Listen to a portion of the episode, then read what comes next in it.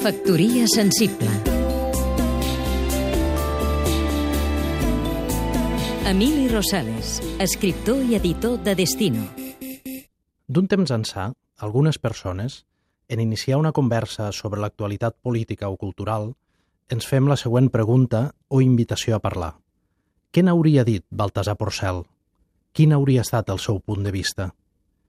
I a partir d'aquest interrogant, ens entretenim una bona estona especulant sobre si s'hauria manifestat en un sentit o en un altre, quines conclusions n'hauria extret o a quines reflexions ens hauria conduït, des de la seva talaia de l'avantguàrdia o des dels llibres. El mateix exercici podríem fer amb Salvador Espriu, i, de fet, hem tingut ocasió de sentir la seva veu, els seus poemes, al llarg de tot l'any. Encara podríem continuar jugant a endevinar l'opinió de Josep Pla sobre aquest o aquell assumpte.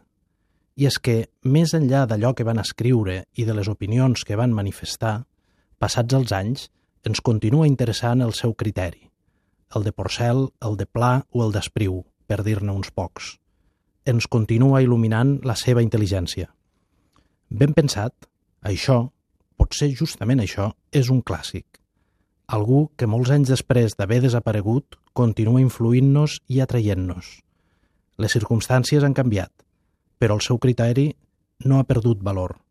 El temps ha passat, però continuem requerint la seva companyia. Factoria sensible